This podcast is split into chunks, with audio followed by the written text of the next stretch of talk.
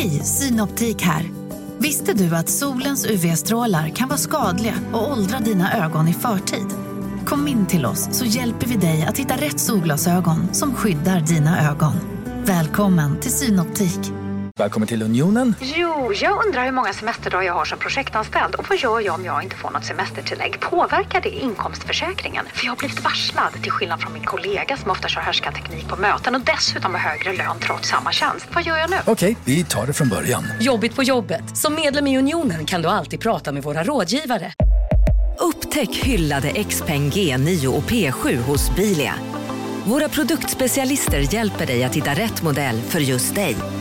Boka din provkörning på bilia.se xpeng redan idag. Välkommen till Bilia, din specialist på XPeng.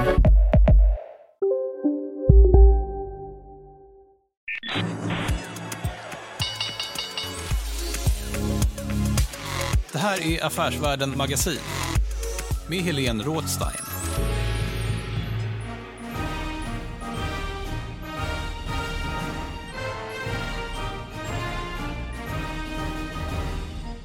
Hej och hjärtligt välkomna till podden Affärsvärlden Magasin där vi varje måndag fördjupar oss i affärsvärldens journalistik. Jag heter Helene Rådstein och jag är reporter på Affärsvärlden. Och eh, jag är här med Göran Lind och du är redaktionschef på Affärsvärlden. Jag tänkte prata om årets ledare. Du har ju suttit i juryn där. Hur har det varit? Det har varit eh, kul och speciellt eftersom det, det är ett eh, pandemiår där stor del av juryarbetet har fått bedrivas med digitala möten. Dock inte det sista som skedde live. Det är ju ett pris som har funnits ganska länge, sedan 1984. Ett ledarskapspris Spelar det någon roll att det har funnits så länge, priset? Eh, ja, det, jag menar, alla priser eh, eh, mår ju bra av att ha, ha en lång historia. Eh, det ger, ger ju, visar ju styrka i priset.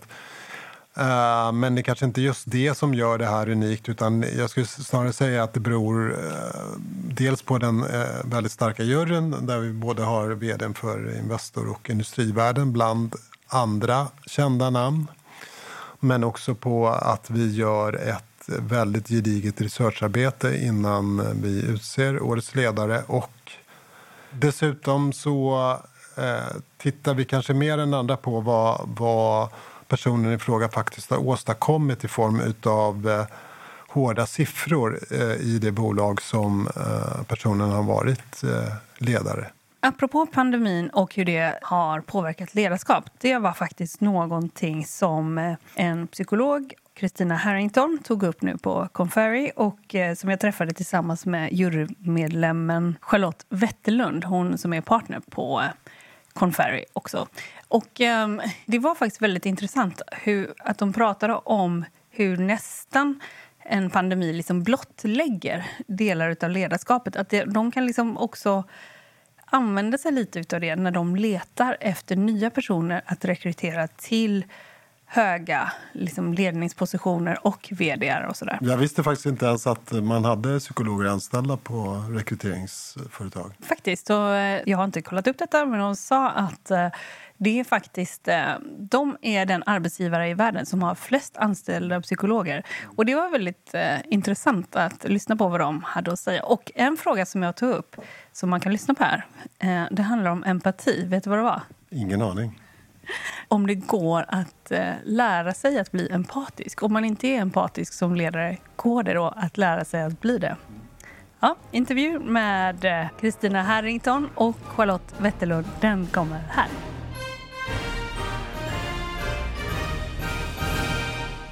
Charlotte Wetterlund, hör du mig bra i mikrofonen? Inte alls. Kristina Harrington? Ja. Det hörde du? Ja, ja. jättebra. Ska vi se om jag kan komma lite närmare. Tack för att jag fick komma hit. Tack för att du ville komma hit. Trevligt att få vara med. Om du ska börja Charlotte och berätta vad du gör för någonting. Jag arbetar på Conferry i Sverige. Conferry är ett globalt managementkonsultbolag och jag ansvarar för executive search utifrån Stockholmskontoret. Och jag ansvarar för advisory. Och I det här sammanhanget så är det framförallt succession, assessments, ledarskapsutveckling och eh, kompensation som eh, ligger under det området. Mm. Och om man ska berätta lite om Conferry, det är ju väldigt stort. eh, bolag. Faktiskt, jag blir lite överraskad hur, över hur stort det är. Blir folk det, Charlotte? Ja, man, man likställer oss med, med de andra på marknaden eh, som också består av två efternamn. Eh, och skillnaden är att vi faktiskt är börsnoterade. Eh, vårt huvudkontor ligger i Los Angeles. Eh, vi har över 10 000 anställda worldwide. Jag tror att det är 110 kontor som vi är uppe i. Och vi har växt via förvärv. Så att, eh, jag brukar säga att jag känner igen väldigt mycket från våra klienter i form att, att arbeta i en matris med olika affärsområden och också att vara driven av resultat. För om man ska säga så här, är, ni står på tre ben kan man säga. Men kärnan, det som allting börjar med, det är ju att man ska hitta rätt personer till rätt uppdrag kan man säga. Eller? Precis. Eh, vår, vår kärnverksamhet och den motorn som vi har arbetat Eh, eh, som har varit motorn i alla år har ju varit vår executive search business. Det var där det hela började. Och det är precis som du mycket riktigt säger. Det gäller att hitta rätt person vid rätt tillfälle till rätt utmaning. Och det är det vi gör.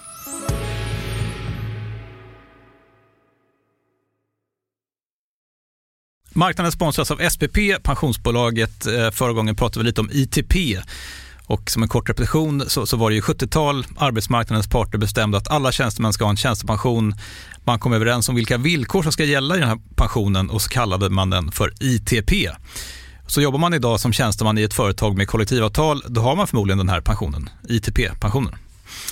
Eh, och det är ju så att man kan påverka eh, den här pensionen, hur den är placerad. Vart femte år så gör nämligen Collectum, som de heter, en enorm upphandling där olika pensionsbolag kan ansöka om att få förvalta eh, de här pensionerna. Och SPP är ett av bolagen som valdes ut i den senaste upphandlingen.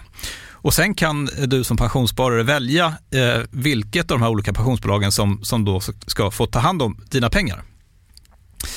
Och tanken med den här upphandlingen är ju att liksom kvalitetssäkra de här olika alternativen eh, men också att förhandla fram stora rabatter så att pensionsspararna ska få ja, kunna spara pengar genom att avgifterna eh, som är så viktiga eh, blir eh, lägre. Och vill man välja någonting i ITP-systemet då finns det en relativt ny sajt som heter avtalat.se. Ehm, där kan man gå in och se hur sin ITP-pension är placerad. Jag gjorde det häromdagen faktiskt. Ehm, idén är att hälften av pengarna alltid ligger i något som kallas för traditionell försäkring. Det här gjorde vi ett avsnitt om i podden Kapitalet nyligen eh, som vi kallade världens bästa sparform. kan man lyssna på om man är intresserad. Eh, den andra halvan eh, den kan man också lägga i en traditionell försäkring eller så kan man placera det i något som kallas för fondförsäkring. Eh, SPP som sagt eh, var ju ett av de fåtal bolagen som valdes ut i den senaste upphandlingen och de finns med som alternativ både med en traditionell försäkring och med eh, fonder.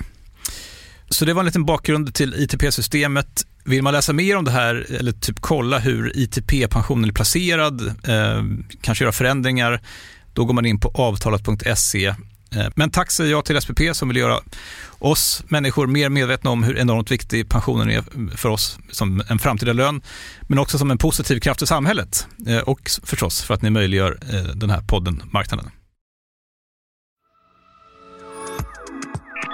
Du lyssnar på Affärsvärlden Magasin med Helene Rådstein.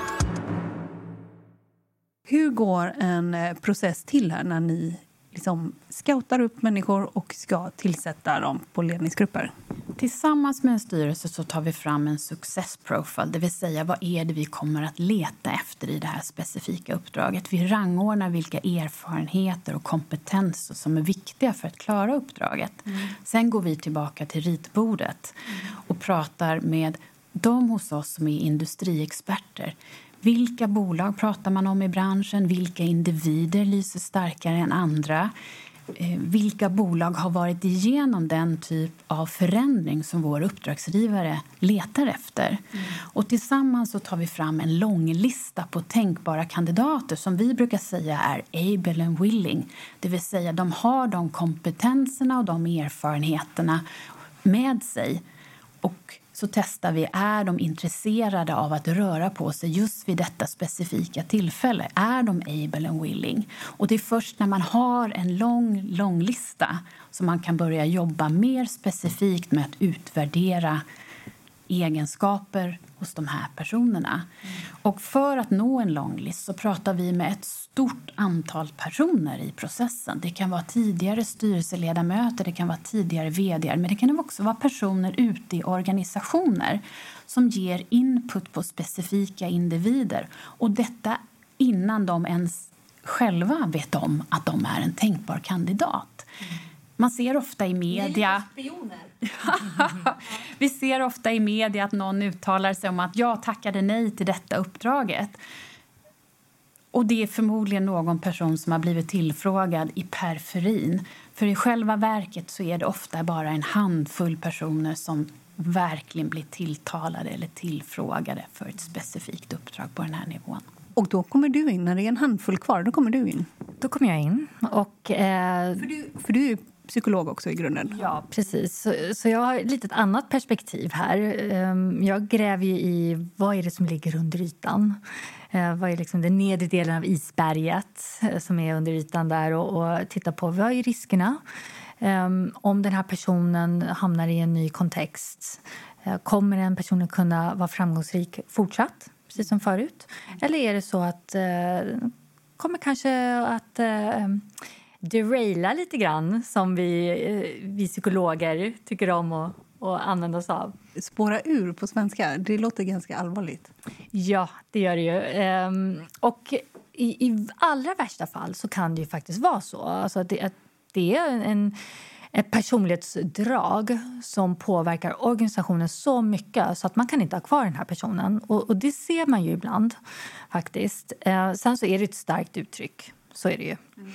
Ehm, men det handlar om att leta efter risker och att se till att ehm, den här individen inte sätts i en situation där det finns en risk att den inte klarar av det. För att men vi, vi ehm, har ju att göra med väldigt framgångsrika personer och eh, med väldigt goda erfarenheter. Men det behöver ju faktiskt inte, om jag ska sticka ut hakan här, det behöver inte innebära att den här personen kommer vara framgångsrik i nästa roll. Nej. Eh, och det är det som, som där jag kan addera ett, eller vi då på vår sida, vi psykologerna här på Conferry eh, kan addera ett, ett värde. Att hitta, har personen personlighetsegenskaperna och de eh, beteendekompetenser som krävs för att vara framgångsrik framöver och ta det här bolaget till nästa nivå. Mm. Och om vi bara tar de två andra benen, eh, vad är det? Vad gör ni för något där? Ja, men vi ligger ganska långt fram i digitaliseringen. Eh, vi, vi hjälper företag att digitalisera deras People-strategier. People kan man säga. Det blir lite svengelska. Ja, det blir, det blir mycket svengelska när vi pratar. Dels är det så, vi, pratar, vi, vi, jobbar ju så mycket eh, på engelska men sen är det också att många av uttrycken kanske inte riktigt eh, finns en, en bra motsvarighet på svenska. Um, men det handlar ju om att implementera en, en people-strategi och, och, att säkra att um, strategin uh, händer. Mm. Mm. Och där, det är väl där vi utmärker oss och där vi är störst i världen. Att Eh, på olika sätt stötta bolagen i att när de väl har då eh, definierat vad är strategin, ja, men hur får vi det att hända och hur får vi det att hända genom eh, de människor som vi har. Och eh, det digitala benet det har blivit extremt stort, eh, särskilt nu under eh, coronatiderna där vi har, har innoverat otroligt mycket för att kunna stötta våra kunder. Mm. Och som ett exempel kan vi se på den delen där vi jobbar med, med utveckling av ledare. Att tidigare så hade vi fysiska workshop och nu sker allting digitalt. Mm. Så vi eh, genomför otroligt mycket utbildningar one-on-one on one, eller på grupper eller på team eller i stora organisationer digitalt. Det tredje benet är det som Kristina arbetar med, advisory. Eh, som, som är ett, ett område där vi har investerat mycket pengar i förvärv. Eh, du kan väl berätta lite om vad, vad ja, men det, det är som jag sa i början. Alltså en stor del av det som vi jobbar med är inom succession och eh, utvärdering kan man säga om jag ska använda ett hårt uttryck av ledarskap. Och vad det gäller succession så handlar det alltså inte om familjeföretag utan att hitta interna kandidater när man ska rekrytera. Ja, precis. Och, och se till att man har, eh, en, liksom, lite svengelska här, men att man har en pipe mm. på talang. Ehm, så det är en stor del av vår verksamhet, ledarskapsutveckling. Ehm, men också organizational strategy utifrån ehm, människoperspektivet. Alltså hur får man eh, talangen i organisationen att leverera det som man har kommit överens om. Och I de här tiderna, det vi har väldigt mycket är att man har behov av att snabbt um, se till att um, anställda har nya kompetenser. Mm. Det har blivit väldigt tydligt under corona och är högt uppe på många bolags um, prioriteringar. Vad har det inneburit för dig till exempel? Ja, men det blir många diskussioner om hur ska man gå tillväga för att göra det.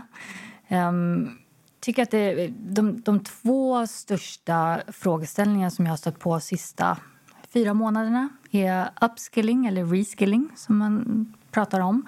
Att hur ska vi se till att eh, människor snabbt eh, ändrar hur de jobbar? Och det andra är hur ska vi säkra att vi har eh, rätt personer på rätt plats? Alltså, och, och, även internt då, framför allt har, har det varit mycket frågor kring.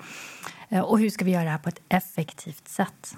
Snabbt och eh, genom digitala kanaler. Och Det är där vi blir så starka, för där jobbar våra olika business lines tillsammans. Och Det har ju varit otroligt spännande för oss under corona att, att från att ha träffat våra kandidater fysiskt så har vi ställt om och träffat dem digitalt. Och Vi har ju exempel på rekryteringar som har skett från ax till limpa helt digitalt där styrelseordförande och vd har träffats för en promenad i parken som ett sista steg. Och Det har varit första gången de har träffats på riktigt fysiskt.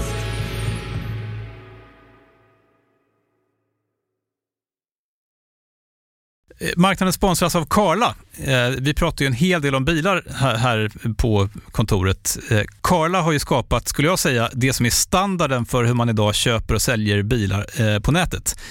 Eh, kort bakgrund bara. Eh, Karla säljer och leasar begagnade elbilar eh, och laddhybrider på karla.se. Alltså en helt eh, digital upplevelse. Och man har gjort det här med ett nästan maniskt fokus på vad en bilköpare faktiskt behöver. Jag gjorde ju en intervju med en av grundarna, Patrik Illerstig, i marknaden här eh, ganska nyligen, eh, daterad 25 mars, om man vill lyssna på den Eh, men där berättar han hur de kom in i det här lite från vänster för att försöka uppfinna hela den här liksom bilköpupplevelsen från början. Och de har idag, vilket är rätt otroligt, 4,8 i betyg eh, på Trustpilot. Jag, jag har sett många företagssidor på Trustpilot, men det här är nog bland eh, det bästa jag någonsin sett faktiskt. Man kan sälja bilen till Karla också. Då går man in på karla.se, delar lite info om bilen, sen får man en gratis värdering och ett bud de hämtar bilen helt gratis i hela Sverige och så har man pengarna på kontot i samma stund som de hämtar bilen. Det är grymt. Eh, så ska du köpa en ny bil eller sälja din gamla, eller båda delar för den delen, gå in på karla.se och eh, kolla. Alltså karla.se och Karla stavas med C. Tack så mycket till Karla. Du lyssnar på Affärsvärlden Magasin med Helene Rådstein. Det har inte varit så lång tid som, man har, som det här har varit då, digitalt. Har ni lärt er någonting av det under processens gång? Liksom vad som går förlorat och vad som man faktiskt kan ta med sig till något efter corona? Så jag måste säga att jag, jag, jag är glatt överraskad. För Det var mycket oro i början av corona. Hur ska det här gå? Vad är det vi kommer förlora? Och Jag tycker snarare att det visar sig att det finns möjligheter i det digitala. Ehm, för att eh, risken har annars varit att man har tagit eh, för mycket på en gång. Om man tänker ur ledarskapsutvecklingsperspektiv då. Mm. Att man liksom samlar ihop människor och så tar man allt på en gång. Nu finns en möjlighet att få in det i vardagen på ett annat sätt. Mm. Sen tycker jag också att det har gett en möjlighet att se hur människor snabbt kan anpassa sina beteenden. Mm. Så det är ett annat perspektiv. Mm. på och, och, Det gäller kandidater, det gäller, gäller ledarskapsutveckling, det gäller liksom allting som har med att göra med ledarskap. Mm. och det blir väldigt tydligt um, vilka ledare är det som uh, klarar av en sån här disruption. Mm. Och faktiskt uh, de som man kanske inte trodde till och med drivs av det och liksom levererar på det. Och vilka är det som faktiskt inte har kunnat orientera om mm. och motivera människor. Um, och de har ju haft digitala kanaler till sin hjälp. Det är där de har varit tvungna att kommunicera mm. med sina medarbetare och följa upp och motivera och, mm. och få saker och ting att hända. Så ja, det, det har varit... Och här pratar vi inte bara om kanalen och sättet man väljer att kommunicera utan också vem är människan bakom. Och, och vi har sett under den här perioden att hur viktigt det är att vara en riktig människa av kött och blod. Och att empati och förmåga att sätta sig in i andras situation har varit helt avgörande. Det tycker jag vi har sett flera exempel, publika exempel på hur man har kunnat hantera situationen. Vad är det för budskap man går ut med till sina anställda, till marknaden och i samhället i stort? Eh, det här tycker jag är otroligt spännande. Eh, och, vi drar ju nytta av det, eller, eller drar slutsatser av det när vi nu ska rekrytera framtida ledare. Kommunikation, empati, förmåga att hantera kriser är ju tre saker som, som står högt på prioriteringen när vi jobbar just nu. För ni följer kandidater ofta lite på distans kan man säga under flera år som jag har förstått det.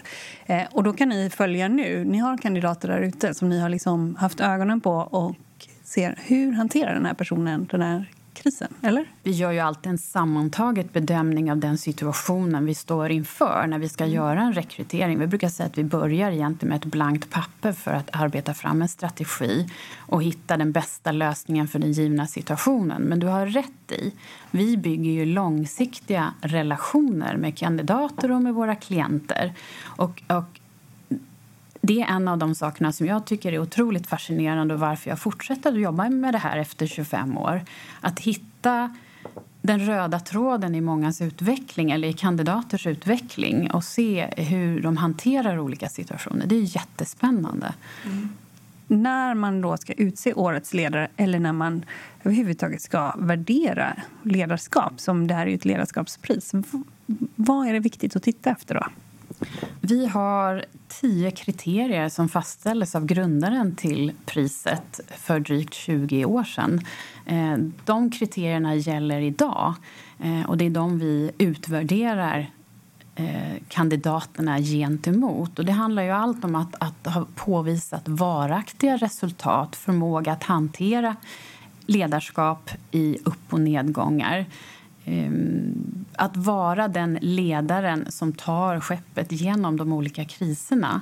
Ehm, och det är klart att i år ställdes, ställdes det på sin spets. Men jag skulle säga att det som gör priset unikt det är ju att vi har varit ganska konsekventa under alla år ehm, och mätt Eh, de här personerna som är uppe för granskning eller utvärdering mot samma kriterier i alla år. Och därför ger också priset en, en, en, en viss tyngd. Det finns en tyngd om du får det för att um, då vet du att det är eh, bulletproof genom åren.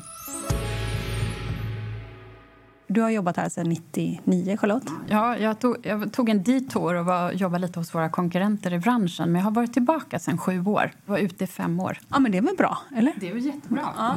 Vi får se hur det är på andra sidan. Ja, exakt, exakt. Du har ju väldigt lång erfarenhet av att rekrytera högt upp till positioner högt upp i ledningen. Det är inte bara vd, det är CFO och nu ganska mycket inom HR och så där pratade vi om tidigare. Vad eh, skulle du säga vad det gäller ledare just nu? Vad letar man efter? Just nu eh, så ser vi att det som vi började att se för några år sedan som var framgångsrikt, att det har accelererat under krisen. Jag skulle säga att generellt så letar vi ju alltid efter duktiga kommunikatörer, efter personer som kan hantera en komplex affär och en komplex omvärld. Eh, men framför allt så letar vi nu efter riktiga personer som, som besitter de här egenskaperna eh, med högt EQ. Att man har en förmåga att sätta sig in i andra människors situation och kan påverka både den närmsta ledningsgruppen men också eh, den större organisationen. Och du, Kristina, du kommer in eh, när då? Ja, jag kommer in i, i, slut, i slutet helt enkelt av, av de här searchprocesserna när man har en, några finalister och vill göra den här djupdykningen och eh, lite mer av en riskanalys. Att kommer den här personen att kunna eh, i en ny kontext tillgodogöra sig sina framgångar och erfarenheter men också sina motgångar? Och har personen lärt sig av sina motgångar och kan applicera den lärdomen på ett eh, adekvat sätt i nya sammanhang. Och när vi pratar om risker kring ledarskap och sådär, vad, vad är en risk för någonting? Ja, en risk är ju, är ju om, om, vi tittar då på ledarskap och, och kopplat till eh, det som jag arbetar med, det är ju ofta risker som handlar om eh, vilka personliga egenskaper man har och eh, vilka kompetenser, alltså beteendekompetenser man har. Um, och när man triggas att bete sig på ett sätt som påverkar andra människor negativt ehm, eller påverkar ehm, sammanhanget negativt och att den påverkan leder till en reaktion som får, eh, ja, man kanske eh, påverkar motivation i stor utsträckning. Ehm, det kan vara så att, eh, det här har jag sett några gånger, att man har en person som är, um, riskerar att kanske uh, agera arrogant. Ta ett arrogant uh, förhållningssätt när han eller hon um, kanske upplever att det finns personer omkring en som um, inte riktigt svarar upp på det sätt som man hade förväntat sig. Mm. Och i olika sammanhang så, så kan det vara negativt men i ett sammanhang där det förväntas att kanske kulturen är mer um, empatisk och human då blir det ett stort problem. Och, och, då kommer man inte få med sig personer. Och det är det det hand, alltså ledarskap i slutändan så handlar det om det. Att kan jag få människor att gå åt ett visst håll och, och dessutom eh, bidra ännu mer mm. än vad man har förväntat. Mm. Och tycka om det och känna en passion för det. Och nu pratas det ju väldigt mycket, det gjorde det innan corona också, men jag tycker att det har eh, ännu tydligare nu. Man pratar mycket om syfte, purpose. Och det är inte, alltså då, då, måste vi gå förbi purpose av bolaget utan purpose för ens eget ledarskap. Vad är det jag vill uppnå med mitt ledarskap? Och, och det här syftet ska vara så pass starkt och vara en sån ledstjärna så att det ska faktiskt påverka i interaktionen med andra människor så att de känner en mening i sin tillvaro. Särskilt nu när det blir så mycket mer komplext, otydligt, osäkert så, så då, då är det här viktigare än någonsin. Mm. Man behöver den här stjärnan för att eh, det kommer inte gå att staka ut vägen på samma sätt. Charlotte, jag tänker utav dem eh, när det gäller till exempel årets ledare och om man ser på börsbolag och så där, så det är ofta väldigt stora bolag som eh, där det är liksom en vd och så där. Vad krävs det då för typ av ledarskap som går hem idag? Man kanske inte har så jättemycket kontakt med sin chef eller vd som bestämmer högst upp. Vad, vad är viktigt? Jag skulle vilja kroka i det som eh, Kristina säger om att, att styras av värderingar. Att hitta någon som kan leda andra och vara, ganska, vara autentisk i det ledarskapet.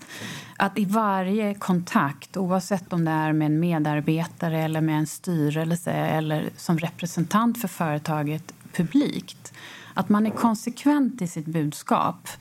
Att man styrs av de ledstjärnorna man har satt upp. Eh, att man är trovärdig i rollen som får andra att vilja följa den här personen. Eh, att på så sätt sprida det ut genom organisationen. Vi ser ett gemensamt drag i att de som är framgångsrika de är konsekventa i sitt uttryck att de känns, uppfattas som genuina och autentiska. Att de går på golvet och pratar med människor. Att de ger samma budskap till Kalle vid maskinen som de man gör eh, i, i tv, i en intervju. Att man som anställd kan känna igen sig. Och Då handlar det också om en, att faktiskt ha en genuin nyfikenhet på människor. Alltså det går ju förbi det här med empati också en, en nyfik, nyfikenhet kring hur tänker du? Och, och, att kunna ha det här förmågan att se ur olika perspektiv. Inte bara ur ett logiskt perspektiv, men också ur ett mänskligt perspektiv. Hur uppfattar andra det här? Och sen är det också att kunna eh, se vilka intressenter finns omkring mig. Och att det går faktiskt utanför det egna bolaget och organisationen. Och idag är det tydligare än någonsin att till och med innefattar ju samhället och hur jag kommunicerar gentemot det samhället som mitt bolag påverkar kommer ju också att eh, snappas upp av de anställda. Så det är ett, ett ekosystem mm. som man, och särskilt i, ja, framförallt i vd-rollen måste i större utsträckning kunna navigera i eh, på ett effektivt och humant sätt. Och där tror jag det är viktigt att förstå att som kandidat till den här typen av uppdrag att man spelar en viktig roll, inte bara genom sina prestationer också vem man är som person. Mm. Att man vågar vara den personen som säger ifrån, sticker ut, har en åsikt. Man kan inte bara gömma sig bakom. Ehm, det tror jag är en, en, stor skillnad mot för bara några år sedan när det var lättare att, att bara retirera. Nu förväntas man ta en publik roll. För jag tänker om man tänker något, eh, om jag förstår det rätt, att man har liksom en humanistisk eh, liksom grundton i hela sin, eh, i hela sin ledarskapsstil. Kan man säga detta i motsats till något annat? Alltså på något sätt låter det så här, ja det är klart att det måste vara så. Men har det liksom funnits andra trender innan som man kan tänka att, eh, som ni har sett? Liksom? Ja, vad säger du Kristina? Ja, alltså på sätt och vis skulle man kunna säga att det finns eh, en potentiell motsats. Men sen är det som du säger, och det skulle vara att vara kanske allt för eh, drivande gentemot eh, prestation. Eh, samtidigt så tycker jag att det är att förenkla, för att det hänger ihop. Liksom ingen prestation utan engagemang och passion. Och det är där det humana kommer in. Det är ju vadet och huret. Så att det, man kanske skulle kunna säga att eh, om det är för stort fokus på vadet och för lite på huret mm. eh, då, då, blir det problematiskt. Men det här är också sån där, eh, någonting som, som alla ledare, men framför allt en vd, måste kunna hantera. Det är paradoxer. Att det är inte antingen eller, ännu mindre idag. Det är paradoxer som man hela tiden måste ha koll på och kunna gasa, bromsa eh, och inte bara köra i en riktning. Mm. Man talade för några år sedan om social responsibility, hur viktigt det var. Mm. Idag så handlar det mer om vad gör man av det. Och kallar det Greta Thunborg-effekt. Men idag så måste du bevisa, inte bara prata. Mm. För du blir så genomskådad. Mm. Ja, för det var det jag tänkte. Liksom. Hur vet man att det här är så här ett genuint syfte? Och hur vet man att det är liksom lite påklistrat och liksom påmålat syfte? så att säga? Men det är nåt som man som till exempel anställd på riktigt känner, menar du? Ja, men det, det, jag tänker att det, det är när... Um push comes to shove. Liksom. när, när, när, det blir, eh, när det blir skarpt läge det är då som eh, det behövs göras val, mm. och kanske snabbt mm. och svåra val. Mm. Och Det är då det kommer märkas mm. vad det är som driver mm. en ledare. Mm. Jag har skrivit i Affärsvärlden om nu var det faktiskt eh, kvinnor på stora börsbolag som, eh, där man såg en trend att de har varit på flera bolag väldigt länge, alltså 20-30 år innan man blir vd. Är det, någon, är det en trend vi ser så generellt att långväg, säger man långvägare Mm. Ja, att, eh, att det är de som klättrar upp liksom högst upp i organisationen. Vad säger du, Charlotte?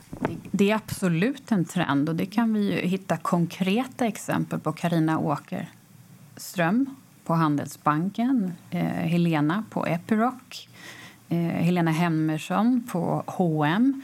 Det är personer som har varit 25, 30, 40 år mm. inom samma bolag men som har varit i olika positioner och bevisat sig.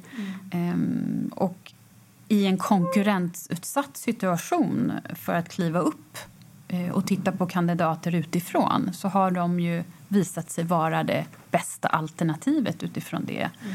den analysen man har gjort. Du lyssnar på Affärsvärlden Magasin med Helene Rådstein. Hur gör ni då? Ifall, någon säger, ifall ni har en klient som säger hej, vi har en intern kandidat. Eh, vi vill gärna testa den här personen eh, hur, liksom mot andra externa kandidater. Hur går den processen till? Den skiljer sig inte så mycket som en vanlig succession. skulle jag vilja säga. Vi gör en analys tillsammans med en styrelse. Vi tar fram vilka strategiska mål, vad är uppdraget för den blivande koncernchefen. Eh, vi tittar på vilka eh, branscher, vilka företag ska vi analysera, titta närmare på för att hitta potentiella kandidater till blivande vd, koncernchef. Och I den processen tar man då in interna kandidater. Så de genomgår samma typ av process som de externa kandidaterna. Bedöms på samma kriterier som man då gemensamt har satt upp tillsammans med styrelsen. Mm. Vad ska den här personen åstadkomma? Vilka kompetenser är viktiga för att nå därhän? Mm. Så jag skulle vilja säga att de personerna som har, kommit upp inifrån de ska vara stolta och glada, för de har ju blivit konkurrentutsatta på marknaden och visat sig vara det bästa valet. Och de vet också då att jag, är, jag genomgår en eh, rekryteringsprocess. Eh, det vet de hela vägen. Ja, ja i, i, i de allra flesta fall mm. Mm. så är man väldigt öppen med det. Mm. Men finns det också så att ni eh, liksom håller utkik på personer i en organisation under väldigt lång tid för att ni har fått ett uppdrag att här kommer det ske förändring så småningom? Sker det? Större organisationer har själva koll på sin talangutveckling. Mm. En frisk organisation eller en välmående organisation ser till att hålla grytan kokande, att ha duktiga medarbetare som man utvecklar. Så att när det väl är dags för ett skifte så finns det ett antal kronprinsar och kronprinsessor som är redo att ta vid. Där brukar vi komma in mm. och hjälpa till och assessa för deras readiness. Det vill säga, är de redo att ta klivet upp nu på högsta nivån? Så den typen av service jobbar vi mycket med. Mm. När det gäller succession till bolag så kan vi i vissa fall anlitas av styrelsen flera år i förväg. För man räknar med att det ska vara en pensionsavgång och man vill hålla koll på marknaden. Vilka spelare finns tillgängliga? Och där gör vi i princip samma process. Vi följer personer, håller relationen vid liv. Inte för ett specifikt uppdrag naturligtvis. Men, men vi bibehåller relationen, ser till eh, att hålla koll på vilka steg de tar i karriären. Det här handlar ju om timing. När är de redo mentalt och motiveringsmässigt eh, att ta det här klivet? Det är inte alla som är det vid givet tillfälle. Det kanske är så att man har fått barn precis eller en, ens respektive har fått en, en, ett nytt spännande uppdrag. Det ska ju stämma på så många olika plan. Och Det skulle jag vilja lyfta fram är något som vi ser hos många av de blivande koncerncheferna att det är mycket viktigare idag än för bara fem sex år sedan att hela kakan ska stämma för att man ska kliva på ett uppdrag. Jag har jobbat nu eh, med en rekrytering där vi har letat i hela världen för att hitta kandidater som ska jobba på en position i Sverige. Och under covid så blev det ställdes frågan på sin spets. Var man beredd att flytta till ett annat land? Var man beredd att, att dra upp barnen ur skolan, eh, ta med sig respektive? Eh, och jag skulle vilja säga för första gången på många år så fick jag väldigt många nej. För att man, man ansåg att det var mer viktigt att behålla familjen intakt, den, den, eh, det ekosystem man befann sig i, än att dra upp dem. Eh, och det kan ju ha med covid att göra, men jag tror också det är lite tidens anda med den generationen som nu kliver på de nya rollerna. Att familjen är så otroligt viktig. Och, och jag vet att jag sa till min uppdragsgivare och de konfirmerade att det är den här typen av ledare vi vill ha som tycker att det är viktigt att alla delarna stämmer. Det är hela trygga individer som är beredda att ta uppdrag när de är redo. Mm, intressant. Vad hände förresten? Vi hittade en person som, som hade möjlighet på grund av sina personliga omständigheter att, att, att ta ett uppdrag här i Sverige. När du jobbar, hur många processer sitter du med samtidigt? Hur många kandidater? Vi håller ju alltid grytan kokande eh, för att ha, ha att göra. Eh, men när det är riktigt skarpa processer på hög nivå då är vi ett team som jobbar tillsammans. Och det kan vara globalt sammansatta team där vi hämtar in expertis i specifika branscher just för att konkurrentutsätta den svenska marknaden med internationella kandidater. Men jag skulle vilja säga att, att två skarpa processer i taget är vad vi jobbar med. Och du som kommer in lite senare. Ja, eftersom vi har också ett stort fokus på med, med interna pipelines och succession så är det någonting som vi ständigt jobbar med. Så att vi, vi jobbar med assessments, som vi då kallar det för, eh, hela tiden. Det kan vara allt från att ha eh, två personer varje dag i, under en vecka till ingen mm. i en vecka. Så att det... det um, ah, ja det, det, är så olika det kan vara. Så att Det kan vara det enda vi gör. Mm. Eh, eller så är det en hög period av eh, ledarskapsutveckling med några eh, med att hjälpa till med eh, assessments på final candidates. Mm. Jag tänker lite vad det gäller ledarskapsutveckling. Om man är så en ledare och det är väldigt mycket, ja, men hur är du som person? Är du, alltså, det är väl lite svårt att jag är inte så jätteempatisk person. Jag har inte riktigt den här humanistiska liksom, grunden i mig. Går det på något sätt att jobba fram? Liksom? Eh, om, jag nu inte, om jag nu saknar det, som verkar vara så viktigt i tiden. Både ja och nej. Empati, om vi tar det som ett exempel, det är en personlighetsegenskap. Ja. Och att gå från inte alls empatisk till helt empatisk, nej, det skulle jag inte påstå att det går. Eh, däremot så har jag en stark tilltro, och mina kollegor också, annars skulle vi inte jobba med det här, att det går att eh, jobba fram beteenden som gör att man ändå kan uppfattas som empatisk. Och där har jag faktiskt ett, ett exempel där jag hade en var en vd där jag um, återkopplade till honom en kandidat som skulle sitta i hans ledningsgrupp. Och den kandidaten hade lite svårt på just det området med empati och också i uttrycket utav det. För det, det är både och. Alltså man, hänger ihop. Det hänger ihop. Och, och, då sa den här vdn Ja, men jag är inte heller empatisk. Det har ju kommit fram i testerna. Och det visste inte jag. Och jag hade faktiskt inte gissat det. Så att han, han hade en... Och där har vi det här med det här autentiska faktiskt som han var duktig på. Han hade en självkännedom. Um, han hade fått feedback på att han inte var så empatisk. Det kom fram mest när han var pressad, som det ofta gör. Um, men han var också medveten om det och hade en förmåga att kunna gå tillbaka Eh, i de lägen där han hade kanske lite grann trampat i klaveret. Alternativt att i förväg in, kunna identifiera en situation som krävde mycket empati. Och Då fick han liksom stålsätta sig lite och anstränga sig. Så eh, som så mycket annat med eh, utveckling, det gäller ju att ha en, en förmåga att se vad är jag stark på och vad är jag svag på. Och hur kan jag göra för att mina svagheter inte ska bli ett hinder? Det är ingen idé att sträva efter att de ska bli styrkor, men att de, de ska inte hindra. Och finns det kanske personer runt omkring mig som kan hjälpa mig i det här? Kan min ledningsgrupp stötta upp i att ge mig feedback så att jag har koll på det här, så att jag kan stärka mig. Och kanske är det så att jag till och med kan växeldra vissa saker med andra som har mer av en styrka inom det här området. Mm. För det är ju inte så snygg egenskap att, att liksom sakna kan man ju säga. Det, är ju, det, det finns väl vissa egenskaper som är så här oh, jag är inte så bra på att planera. Det är okej, okay, liksom. men det finns ju andra egenskaper som är ju liksom stigma. Eh, Ja, men att, sak, att vara oempatisk det är väl nästan en stigma. Ja, men samtidigt så tycker jag att jag ser det ganska ofta som en av, av uh, kanske utvecklingsområdena. Mm.